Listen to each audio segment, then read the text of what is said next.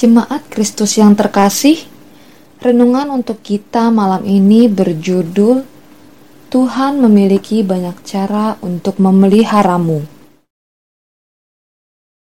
Dan bacaan kita diambil dari 1 Raja-Raja 17 ayat 8 hingga ayatnya yang ke-14. Beginilah firman Tuhan. Maka datanglah firman Tuhan kepada Elia, "Bersiaplah, pergi ke Sarfat yang termasuk wilayah Sidon, dan diamlah di sana. Ketahuilah, aku telah memerintahkan seorang janda untuk memberi engkau makan."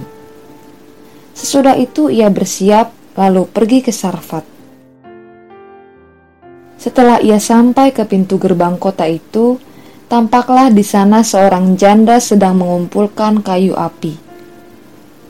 Ia berseru kepada perempuan itu, katanya, "Cobalah ambil bagiku sedikit air dalam kendi, supaya aku minum." Ketika perempuan itu pergi mengambilnya, ia berseru lagi, "Cobalah ambil juga bagiku sepotong roti." Perempuan itu menjawab, "Demi Tuhan, Allahmu yang hidup. Sesungguhnya tidak ada roti padaku sedikit pun, kecuali segenggam tepung dalam tempayan dan sedikit minyak dalam buli-buli. Dan sekarang aku sedang mengumpulkan dua tiga potong kayu api, kemudian aku mau pulang dan mengolahnya bagiku dan bagi anakku. Dan setelah kami memakannya, maka kami akan mati.' Tetapi Elia berkata kepadanya, "Janganlah takut, pulanglah, buatlah seperti yang kau katakan. Tetapi buatlah lebih dahulu bagiku sepotong roti bundar kecil daripadanya, dan bawalah kepadaku. Kemudian barulah kau buat bagimu dan bagi anakmu. Sebab beginilah firman Tuhan Allah Israel.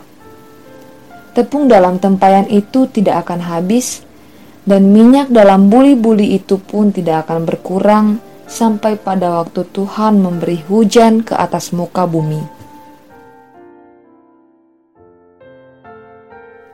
Saat kita sudah merasa buntu dengan keadaan, biasanya kita akan segera menyerah dan tidak dapat melihat kemungkinan-kemungkinan lain untuk diupayakan.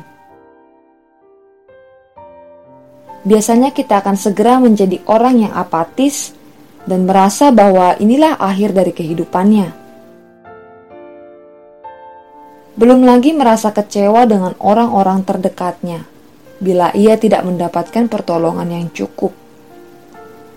Kita perlu ingat bahwa sangat mudah untuk jatuh dalam situasi-situasi yang tidak terkontrol karena kita kehilangan pijakan dan keyakinan untuk tetap bertahan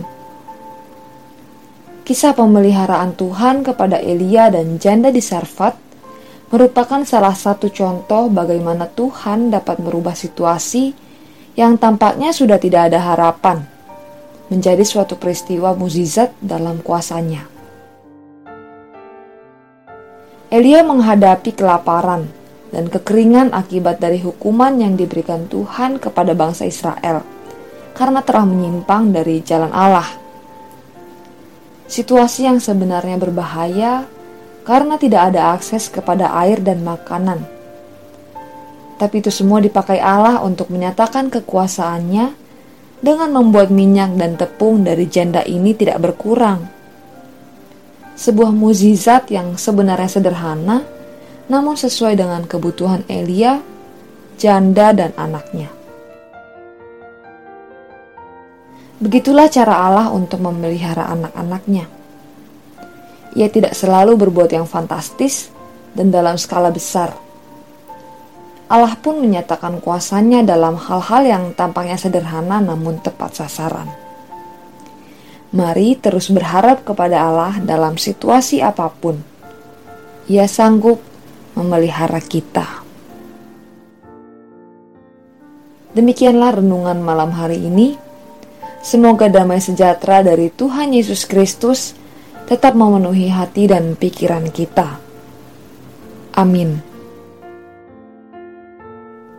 Jemaat yang terkasih, Mari kita bersatu hati menaikkan pokok-pokok doa yang ada dalam gerakan doa 21 GKI Sarwa Indah.